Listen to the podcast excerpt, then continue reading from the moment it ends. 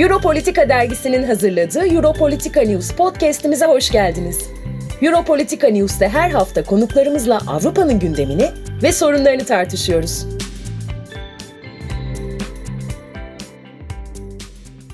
Merhabalar Aylin Hocam. Merhabalar, Ee, hoş teşekkür- geldiniz. Teşekkür ederim. Hocam davetimizi kabul ettiğiniz için teşekkür ederim öncelikle size. Konumuz Avrupa siyasi topluluğu konusunda olacaktır. İlk sorumuz hocam malumunuz Ekim ayının başlarında Emmanuel Macron'un önerdiği ve fikir babası olduğu Avrupa siyasi topluluğu ilk somut adımlarının atılması adına Prag'da toplanıldı. Ve Ukrayna Savaşı'nın gölgesinde yapılan bu toplantının ardından kamuoyunda birçok analizler yapılarak yorumlanmaya çalışıldı. Ve peki sizce Macron'un önerisi mevcuattaki Avrupa Birliği'ne dokunmayarak Avrupalı ülkeleri de kapsayacak yeni bir siyasi birlik oluşturmak mı amaç? Yoksa burada üyelik yolunda olan örneğin Türkiye gibi ülkeler için siyasi bir alan oluşturmak mı amaçlıyor? Şöyle öncelikle sizin de bahsettiğiniz gibi Ukrayna Savaşı'nın gölgesinde aslında bir biraz da ihtiyaçtan doğan bir durumun ortaya çıktığını görüyoruz. Bu süreçte en çok dikkatimizi çeken meselelerden birisi tabii ki bu savaşın neticesinde ortaya çıkan bir takım sorunlar, tehditler var. Enerji krizinden gıda krizine, e, süre gelen savaş ve bunun hani bir şekilde ateşkes ilan edilip hani barış sürecine, siyasi çözüme doğru kavuşturulması gerektiği gibi konularda Avrupa Birliği'nin tek başına aslında mücadele edemediği bir alan olarak ortaya çıktığını görüyoruz. Özellikle de Avrupa Birliği'nin bir arabuluculuk rolünü veya küresel bir güç olarak, etkin bir aktör olarak bu konularda tek başına bu sorunların üstesinden gelme çabasının istenilen düzeyde olamadığı bir süreci aslında izledik. Aslında bir anlamda Macron'un bu çabasını da e, bunu gerçekleştirmek adına bir çaba içerisinde değerlendirmekte fayda var. Çünkü davet edilen ülkelere baktığınızda genellikle zaten bu Ukrayna Savaşı'ndan etkilenebilecek bölgeleri kastediyoruz. Özellikle zaten Ukrayna, Gürcistan ve Moldova'nın biliyorsunuz bir adaylık sürecini başlatma gibi bir durum söz konusu oldu. Onun dışında Balkanlar yine potansiyel olarak Rusya'nın bu yayılmacı veya işte agresif politikalarını sürdürme ihtimali olan alanlardan birisi. Yine bu bölgedeki ülkelerin de Sırbistan da dahil olmak üzere farklı farklı görüşler ve anlayışta olan ülkelerin de dahil edilmesini bu anlamda yorumlamak lazım. Yeni bir başka bir e, aslında bir süre önce donmuş çatışma olan ama sıcak çatışmaya dönüşmüş ama tekrardan ateşkes ilanı ile beraber ortaya çıkan yeni bir bölge tabii ki Ermenistan, Azerbaycan konusunda giderek dışarıda bırakılan bir Avrupa Birliği'ni görüyoruz. Çünkü çözüm sürecinde de biliyorsunuz burada Türkiye'nin, Rusya'nın aktif rolü oldu. Avrupa Birliği biraz dışarıda kaldı. Minsk sürecinin bunun dışında bırakıldığını görmekteyiz. Dolayısıyla bu dışarıda bırakılan küresel bir güç olma hedefi olan ama diğer taraftan da zaman içerisinde Avrupa'nın kendi komşularında veya işte kendi etki alanı bölgesi olarak gördüğü kendi güvenliği açısından bunu değerlendirirsek o bölgede giderek gücünün azaldığını gözlemledik. Çünkü daha önceki dönemleri kıyaslarsanız Avrupa eskiden işte rekabetin olmadığı dönemde işte e, Soğuk Savaş'ın sona erdiği, Sovyetler Birliği'nin dağıldığı, işte komünizmin çöküp Varşova Paktı'nın dağıldığı dönemde bir çekim merkeziydi. Avrupa Birliği genişleme süreciyle beraber hem merkezi hem de Doğu Avrupa ülkelerini başarıyla siyasi ve ekonomik dönüşümünü sağlayarak kendi içine alabilmişti. Ama bir taraftan şu andaki konjonktüre baktığınızda bir rakipsiz değil Avrupa Birliği. Rusya'nın politikaları Avrupa'yı zorluyor. İki, Çin yeni bir aktör. 90'lara kıyasla Çin yoktu ama şu anda artık dünyanın ikinci ekonomik gücü değil sadece bir de altyapılarla, tedarik zincirlerinde oynadığı rolle, limanları satın alması pek çok konuda Balkanlar başta olmak üzere Avrupa ülkelerinde de önemli bir aktör olarak ortaya çıkıyor. Bir rakip olarak aslında ortaya çıktığını görüyoruz. Dolayısıyla o rakipsizlik durumunun veya bir cazibe merkezi olma durumunun artık Avrupa Birliği için söz konusu olmadığı bir dönemdeyiz. O dönemde biliyorsunuz ortaya atılan bir takım projeler vardı. Belki bu Avrupa siyasi topluluğuna benzer projeler olarak da değerlendirebiliriz. İşte Barcelona süreciyle başlayan 95'leri itibariyle Avrupa Akdeniz Ortaklığı, işte Doğu Ortaklığı projesi, Akdeniz için birlik, Karadeniz sinerjisi gibi pek çok proje vardı. Aslında burada da amaç yine Avrupa Birliği üyesi olamayacak ya da yakın zamanda olamayacak ülkelere bir AB perspektifini farklı şekilde her şey ama bu içerideki kurumlarda oy hakkını işte belli sorumluluk veya işte haklara sahip olamama gibi bir tanımlama içerisinde bir ortaklık sunmaydı. Gerçi o da çok başarılı olamadığını da söylemekte fayda var. Çünkü oradaki beklentide Avrupa'nın etrafında bir güvenlik halkası oluşturarak Avrupa Birliği'nin de güvenliğinin devamının sağlanmasıydı. Fakat baktığımızda gelinen noktayla özellikle Arap Baharı sonrası veya işte 2008 Gürcistan Savaşı'nı da bunu dahil ederiz ya da Kırım'ın ilhakıyla devam eden de bir süreç var. Ve bunun işte Moldova'ya, Balkanlar'da farklı bölgelerde yansımaların olma ihtimalini göz önünde bulundurursanız e bir de tabii ki Çin'in artan varlığıyla beraber burada çok daha farklı bir durumla ve güvenlik açısından da sıkıntılı bir durumla karşı karşıya olan bir Avrupa var. Tüm bunların üstesinden gelmek için yeni bir arayışın olduğu, bunlara benzer ama biraz daha farklı bir projenin ortaya atıldığını görüyoruz biz Avrupa Savunma Topluluğu'yla Macron tarafından. Fakat tabii bunun başarılı olabilmesi için de çok fazla şeye gerek e, var. Onu da bahsetmekte fayda var. Çünkü bir Avrupa Birliği'nin kendi içerisinde ortak tutarlı bir dış politika üretme konusunda zaman zaman sıkıntıya düştüğünü görüyoruz. Çünkü Avrupa Birliği'nin entegrasyon sürecindeki supranasyonel yapısının biraz daha farklı bir şekli dış politika ve güvenlik politikası daha ulusal politikaların öncelendiği her ne kadar her bir anlaşmayla bunu değiştirmeye yönelik adım atıldıysa da özellikle Lizbon Anlaşması ile birçok kurumsal anlamda AB'yi güçlendirmeye yönelik bu konuda adımlar atılsa da halen daha zaman zaman bazı üyelere ayrıcalık tanındığını görüyoruz. Ortak karar alınamadığı durumların olduğunu, farklılıkların hala üye devletlerde bile devam ettiğini görüyoruz. Bunu da aslında dış politikalarının Avrupalılaşması ekseninde de değerlendirmek lazım üye devletlerin. Hali hazırda üye devletlerin Avrupa'nın dış politikasını Avrupalılaştırmak meselesinde halen daha sıkıntı varken bir de Avrupa Siyasi Topluluğu deyince Avrupa Birliği üye devletleri artı AB'ye aday ülkeler işte Türkiye gibi işte birçok Balkan ülkesi gibi ya da işte Ukrayna'nın veya Gürcistan gibi farklı ülkelerinde yani AB perspektifi olan ülkeleri de dahil ederek ya da AB ortaklık projeleri içerisinde olan diğer ülkeleri de dahil etmesi bu ülkelerin dış politikalarını nasıl Avrupalılaştıracağı sorusunu aslında ortaya koyuyor. Buna bakmak lazım. O açıdan oldukça yeni bir format. Format diyorum daha henüz bir kurumsallaşmış bir yapı değil. Şu anda forum olarak ortada. Gerçi birkaç sonrası planlanmış şekilde toplantıların, zirvelerin ama e, henüz daha hani bir örgüt olarak veya işte yapısal bir uluslararası örgüt yapısı ya da bir model olarak daha oturmuş değil. Bunun hani nasıl gelişeceğini tabii buradaki başarılarına paralel olarak önümüzdeki zaman içerisinde göreceğiz. Tamam hocam. Şimdi peki söz konusu bu öneriye Avrupalı liderler nasıl tepki verdiler? Yani başta İngiltere olmakla Türkiye bu öneriye mesela nasıl baktı?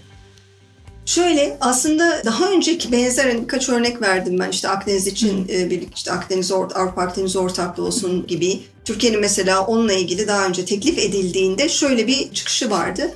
Eğer bu Türkiye'nin AB perspektifine, AB üyeliğine alternatif olarak sunuluyorsa bu Türkiye'nin hani karşısında olduğu bir durum çok açık ve net söylüyordu.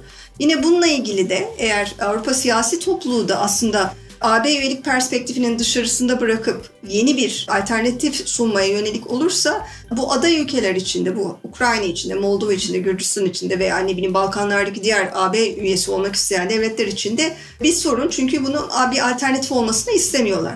Ama İngiltere gibi İngiltere'nin konumu biraz daha farklı. Çünkü Brexit'le beraber AB'den çıkmak isteyen İngiltere bir referandumda halkının isteklerini, taleplerini yerine getirdi. Dolayısıyla burada İngiltere'nin bakışı biraz daha farklı. Çünkü AB'ye bir şekilde AB ile ilişkilerini devam ettirmek isteyen bir İngiltere için aslında bu bir platform, bir forum olarak yerini koruyor. Zaten İngiltere'nin ayrı olarak zaten Fransa ile veya Avrupa savunma inisiyatifleri içerisinde de farklı şekilde ilişkisini, işbirliğini sürdürdüğünü görüyoruz. Bu da bir başka inisiyatif olarak İngiltere'ye bunu devam ettirme olanağını ortaya koyuyor.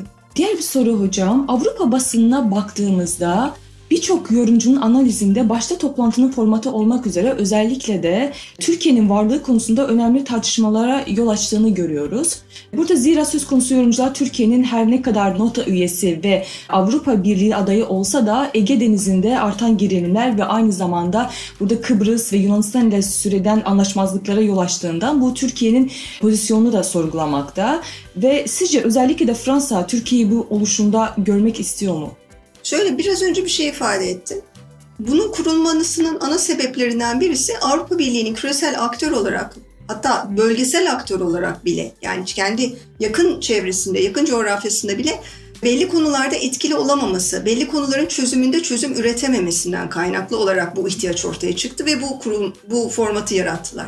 E şimdi Türkiye'nin son zamanlarda oynadığı işte gıda krizi olsun ya da Ukrayna meselesinde bir takım liderleri veya işte ortak e, bir araya getirerek farklı farklı konularda dahil olmak üzere ya da işte Montre'nin uygulanması bile zaten başlı başına hani bu konudaki çok önemli bir durumu ortaya koyuyor. Şimdi bunları hepsini göz ardı ederek Avrupa'nın sadece siyasi bir körlükle Doğu Akdeniz'deki Türkiye, Yunanistan veya işte Güney Kıbrıs Rum yönetimi arasındaki soruna odaklı olarak ve sadece onun perspektifinden bakarak bir politika yürütmesi de aslında kendi kurmuş olduğu bu Avrupa siyasi topluluğu formatına da zarar verecek bir şey. Çünkü yapmak istediğiyle ters düşen bir durumu ortaya koyacaktır. Ama biz bunu görmedik mi? Gördük. Stratejik pusula geçen Mart ayında biliyorsunuz yayınlandı. Gene Fransa'nın öncülüğünde. E orada da neyi gördük? Türkiye'yi karşıt konumlandıran bir Avrupa Birliği gördük Doğu Akdeniz üzerinden. Şimdi bu çok da ne Avrupa'ya e, ne de Türkiye'ye bir katkı sağlayacak, bir kazan kazan durumunu ortaya koyacak bir şey değil. Ve işin enteresan tarafı gün geçtikçe hem küreselleşen dünyadaki ortaya çıkan yeni tehditler veya mevcut tehditler veya savaş durumlarının ortaya koyduğu işte göç gibi, gıda krizi gibi, enerji krizi gibi çok farklı alanlardaki yeni tehditler Avrupa'nın sadece 27 üye ülkesiyle başa çıkabileceği bir durum ortaya koymuyor. Zaten koysaydı böyle bir ihtiyaca da gerek duymayacaktı. E şimdi burada Türkiye'nin oynayabileceği rolü de göz önünde bulundurursanız tabi burada Türkiye'yi dışlamak veya onunla ters düşen bir takım politikalar içerisine girmek Avrupa'ya fayda sağlamayacaktır diye düşünüyorum. Ama tabi burada şöyle bir şey var. Türkiye açısından da evet bu platform içerisinde yer almak önemli güzel ama dediğim gibi üyelik perspektifine bir alternatif olmamalı. Çünkü buradaki işbirliğinin de bir sınırı olacaktır bu yüzden. Niye sınırı olacaktır? Biraz önce ifade ettim. Avrupalılaşmadan bahsettik. Üye devletler arasında yani Avrupa Birliği'ne üye olan devletler arasında bile Avrupalılaşma yani dış politikanın Avrupalaştırılması konusunda sıkıntılar varken aday ülkelere bunu yaptırabilmeniz için sizin o adaya AB perspektifini güvenilir bir şekilde verebilme ihtimaliniz olmalı. Ve bundan bir çıkar sağlayacağını bilmeli veya bu uyum için bir çaba sarf etmeli. Yoksa aksi takdirde Türkiye üzerinde konuşmasak da diğer aday ülkeler için de aynı şekilde onların dış politikalarını Avrupalılaşması konusunda bir çok fazla çaba göstermeyeceklerdir. Şuna şöyle bir örnek vereyim. Hatırlarsınız e, Türkiye'nin Annan planının desteklediği dönemde e, üyelik perspektifinin ciddi anlamda güvenilir bir şekilde Türkiye'ye sunulduğu bir dönemdi. O yüzden Türkiye Kıbrıs'ta bir barış anlaşması olan Annan planına evet denmesini desteklemişti o dönemde. E şimdi siz bu perspektiften hem mahrum bıraktığınız bir dönemde hem de onu stratejik pusula gibi çok önemli bir güvenlik çerçevesinde karşı tarafta konumlandırdığınız sürece Avrupa siyasi topluluğu içerisinde o ülkeyle işbirliği yapma potansiyeliniz ne kadar olur orada bir soru işareti oluşuyor. Çünkü bir güven vermiyorsunuz karşı tarafa. Bir bu zafiyeti var. İki evet ayrı bir platform sağlıyor. Karar alma mekanizmasında ülkeler yer alıyor ama dediğim gibi etkin bir şekilde alternatif oluşturmaya yönelik, AB üyeliğine alternatif oluşturmaya yönelik bir sürece dönemece girdiği takdirde yine bu da aday devletler için Türkiye'de dahil aday ülkeler için sıkıntılı olacaktır ya da Avrupa siyasi topluluğunun istenilen düzeyde bir takım konularda başarı sağlamasında da engel olacaktır. Hı hı. Peki hocam sizce e, Avrupa siyasi topluluğu zirvesi neyi başardı? Avrupa siyasi topluluğu zirvesi son dönemde bir Avrupa'nın Birliği'nin kan kaybettiği bir dönemde tekrardan bu kaybettiği kanı toparlayabilmek adına komşularıyla belli etki alanları olan veya işte AB üyelik perspektifi içerisinde yer almak isteyen ülkelerle, Balkanlar olsun, Kafkaslar olsun, işte Doğu Avrupa'daki komşuları olsun, bunlarla tekrardan bir işbirliği kurabilme imkanını sağlayan bir platform oluşturdu. Ve bunun devamlılığını da sürdürebilmek adına da birkaç sonraki toplantının da tarihlerinin, yerlerinin belirlendiği ve bunun bir süreklilik halinde olmasına yönelik adımların atıldığı aslında bir inisiyatif şeklinde. Tabi burada ilk çıkan ana şeylerden birisi Ermenistan ve Azerbaycan arasında sınırdaki işte bu izleme sürecinin iki aylığına Avrupa Birliği tarafından uygulanması meselesi vardı. Bildiğim kadarıyla bir, geçen hafta sonlandı bu süreç galiba. Evet. Ekim ayında sonra başlatılmıştı. 2017'si gibi. Bir buna faydası oldu. Çünkü biraz önce de ifade ettiğim gibi bu doğmuş çatışmanın sıcak çatışmaya dönüşmesi sonrasında Minsk süreci ve Avrupa Birliği'nin giderek bu süreçteki e, dışlanması, müdahale olamaması gibi bir durum ortaya çıkmıştı. Şimdi bu Avrupa siyasi topluluğuyla tekrardan en azından Kafkaslardaki bu durumu kendinin de yer aldığı, kendisinin de etkili olabileceği bir sürece döndürme çabası açısından değerlendirirsek evet Avrupa siyasi topluluğu bu açıdan bir katkı sağladı Avrupa Birliği'ne ama bu tabii ki oradaki barış sürecine veya işte anlaşmanın sürdürülebilmesine veya ciddi anlamda etkisi ne oldu derseniz çok da hani majör bir etkisi olduğunu söylemek o açıdan mümkün değil. Şu açıdan bir önemi var tabii Avrupa siyasi topluluğunun. Bir aslında karşıt konumda olan ülkeleri de bir araya getiren platformlardan birisi olarak da yorumlamak gerekiyor. Mesela işte Armenistan, Azerbaycan olsun ya da Türkiye, Yunanistan ya da Türkiye, Güney Kıbrıs Rum yönetimi gibi ya da işte Balkanlarda karşıt konumlarda olan ülkeler gibi çünkü Sırbistan'ı biliyorsunuz orada yer alıyor. E, bunları bir araya getirmesi açısından önemli bir platform, forum sağlıyor. Bu da bir kazanım ama bir diğer taraftan da mevcut belli projeleri veya ortaklıkları veya işte hali hazırda olan örgütlerin biraz da yaptığı işleri tekrarlıyor gibi bir durum da söz konusu ancak bununla beraber. O da bir başka bir eleştiri noktası olarak önümüzde duruyor diyebilirim. Evet. Son olarak hocam, Türkiye son yıllarda çok çeşitli konularda Avrupa Birliği açısından zor bir ortak oldu ve İsveç ve Finlandiya'nın ittifaka katılma çabalarını geciktirerek de NATO içinde bir endişe yarattı. Ama söz konusu zirvenin ilk toplantısında da davet edildi. Ve aynı zamanda 6 ayda bir toplanması planlanan bu zirvede Türkiye'yi e, tekrar görebilecek miyiz? Ve ek bir soru olarak da Türkiye, İsveç ve Finlandiya'nın ittifaka katılma çabalarını kabul edecek mi? Şöyle yani Türkiye bir tabii ki platformda yer almak ister. En azından şu an zaten donmuş bir şekilde Türkiye-AB ilişkileri hiçbir yere de gitmiyor. Hatta hatta zaman zaman da işte biraz önce verdiğim örnek gibi Türkiye ile ilişkileri daha da zora sokacak bir takım konumlandırmaları var AB'nin veya yaptırımları olabiliyor. Dolayısıyla ilişkileri zarar veren bir süreç. Bu AST o yüzden bu ilişkiyi tekrar canlandırmaya yönelik bir platform olma ihtimali var. Hem Türkiye açısından hem AB açısından bu önemli. Bu iyi değerlendirilirse tabii ki. E burada Türkiye'yi biz işte çağırmayacağız, işte belli değerler, koşulluluk ilkesi. Bir de burada koşulluluk ilkesinin çok olduğunu düşünmüyorum ben. Çünkü diğer AB ortaklık projeleri gibi değil. Çünkü onlar AB değerlerine uymak koşuluyla ülkelerle ortaklığın sürdürülmesini öngörüyordu. Ama burada biraz daha oradan geri adım attığını ifade edebilirim. Bunun da nedeni zaten diğer Çin, Rusya gibi ülkelerle rekabet edebilmesi adına bunu yapması gerekliliği ortaya çıkıyor. Biraz da pragmatik bir e, yaklaşım içerisine AB'nin girdiğini görüyoruz ihtiyaçtan dolayı real politikteki.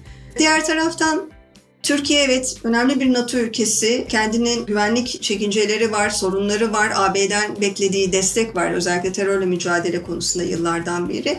İsveç, Finlandiya'da biliyorsunuz AB üye devletleri ve onlardan da aynı şekilde bu beklenti yıllardır zaten Türkiye dile getiriyor. Yeni bir konu da değil bu. Fakat tabii olumlu sinyaller de var. Belli konularda adımlar atıldı. İşte silah ambargosunun kaldırılmasından tutun da belli iadelerin yapıldığını biliyoruz. Ama tabii Türkiye'nin istediği tam neti yani tam olarak tam anlam olarak istemiş olduğunun da gerçekleştiğini söylemek için henüz erken. Onunla ilgili İsveç parlamentosunun e, onayladığı bir yasa tasarısı var. Terörle mücadele yasa tasarısı. Çünkü şimdiye kadar İsveç şöyle bir şey diyordu. Bizim işte anayasamız, yasalarımız işte bu örgütlenmelere veya işte buradaki gösterilere müsaade etmek zorunda. Çünkü bizim yasalar bunu öngörüyor şeklinde bir takım açıklamaları vardı. Ama bu çıkaracakları daha doğrusu 1 Ocak itibariyle yürürlüğe girecek İsveç parlamentosunun onayladığı yasa tasarısıyla beraber artık böyle bir iddia olmamasının da önünü açacak. Çünkü burada belki teröre bulaşmış kişilerin örgütlenmesine karşı bir takım yasalar çıkarabilme ihtimali ortaya çıkacak. Bu da Türkiye'nin hani en çok e, rahatsız olduğu konulardan birisinin önüne geçmiş olacak. Tabii Türkiye burada bekle gör politikası yürütüyor. O yüzden de hep Ocak sonrasına tarih verdi. Ocaktan önce İsveç ve Finlandiya'nın mecliste biliyorsunuz üyelikleri onaylanacak. Bunu onaylamama yönünde bir dış politika şeyini kullandı tercihini kullandı. Ama tabii ki Ocak sonrasında e, bununla ilgili gidişatı bakarak bir onaylama sürecinin olma ihtimali var. Ama tek buna mı bakıyor? Hayır. ABD'deki işte F-16 modernizasyonu ve satış konusunda da yine Türkiye'nin beklentileri var. Çünkü F-35 programından çıkarıldığı için biliyorsunuz belli e, maddi alacakları da var. bulması gereken beklentileri de var diğer NATO üyesi devletlerden. Tabii tüm bunların bir şekilde beklentiler karşılandığı takdirde. Tabii Türkiye'nin bir de şöyle bir beklentisi var. İsveç ve Finlandiya ile yapmış olduğu mutabakatta evet biz sizin belli koşulları yerine getirdiğinizde NATO üyeliklerinizi destekleyeceğiz ama aynı şekilde de biz AB üyesi veya AB projeleri içerisinde yer almak istediğimizde aynı desteği siz de bize vereceksiniz şeklinde. Çünkü ikisi de biliyorsunuz Avrupa Birliği üyesi devletler.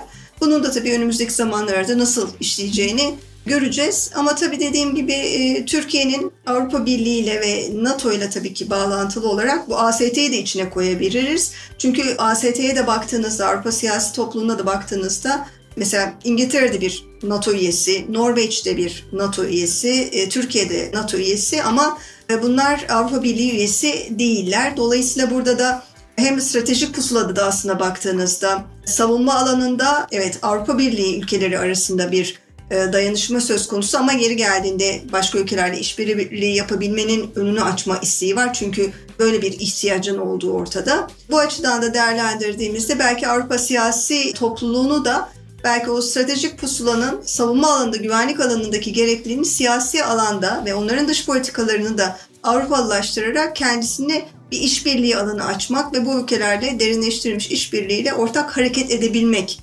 olarak e, toplamında yorumlamak lazım. Ama tabii bunun özünde de güven verme, birbirine güvenme ve tabii ki üyelik perspektifini ortadan kaldırmama ve bunu güvenilir hale tekrar getirmek önemli. AST buna hizmet edecek şekilde organize edilirse başarıya ulaşacaktır. Ama tam tersi bir e, durumu ortaya koyacaksa ve yeri geldiğinde belli üye devletlerin kendi hegemonyası ya da ne bileyim işte çıkar alanını geliştirmeye yönelik bir enstrüman olarak kullanılacaksa veya belli karşıtlıklar oluşturacaksa belli ülkelere karşı e bu tabii istenilen başarıyı Avrupa siyasi topluluğu adına getirmeyecektir diye düşünüyorum.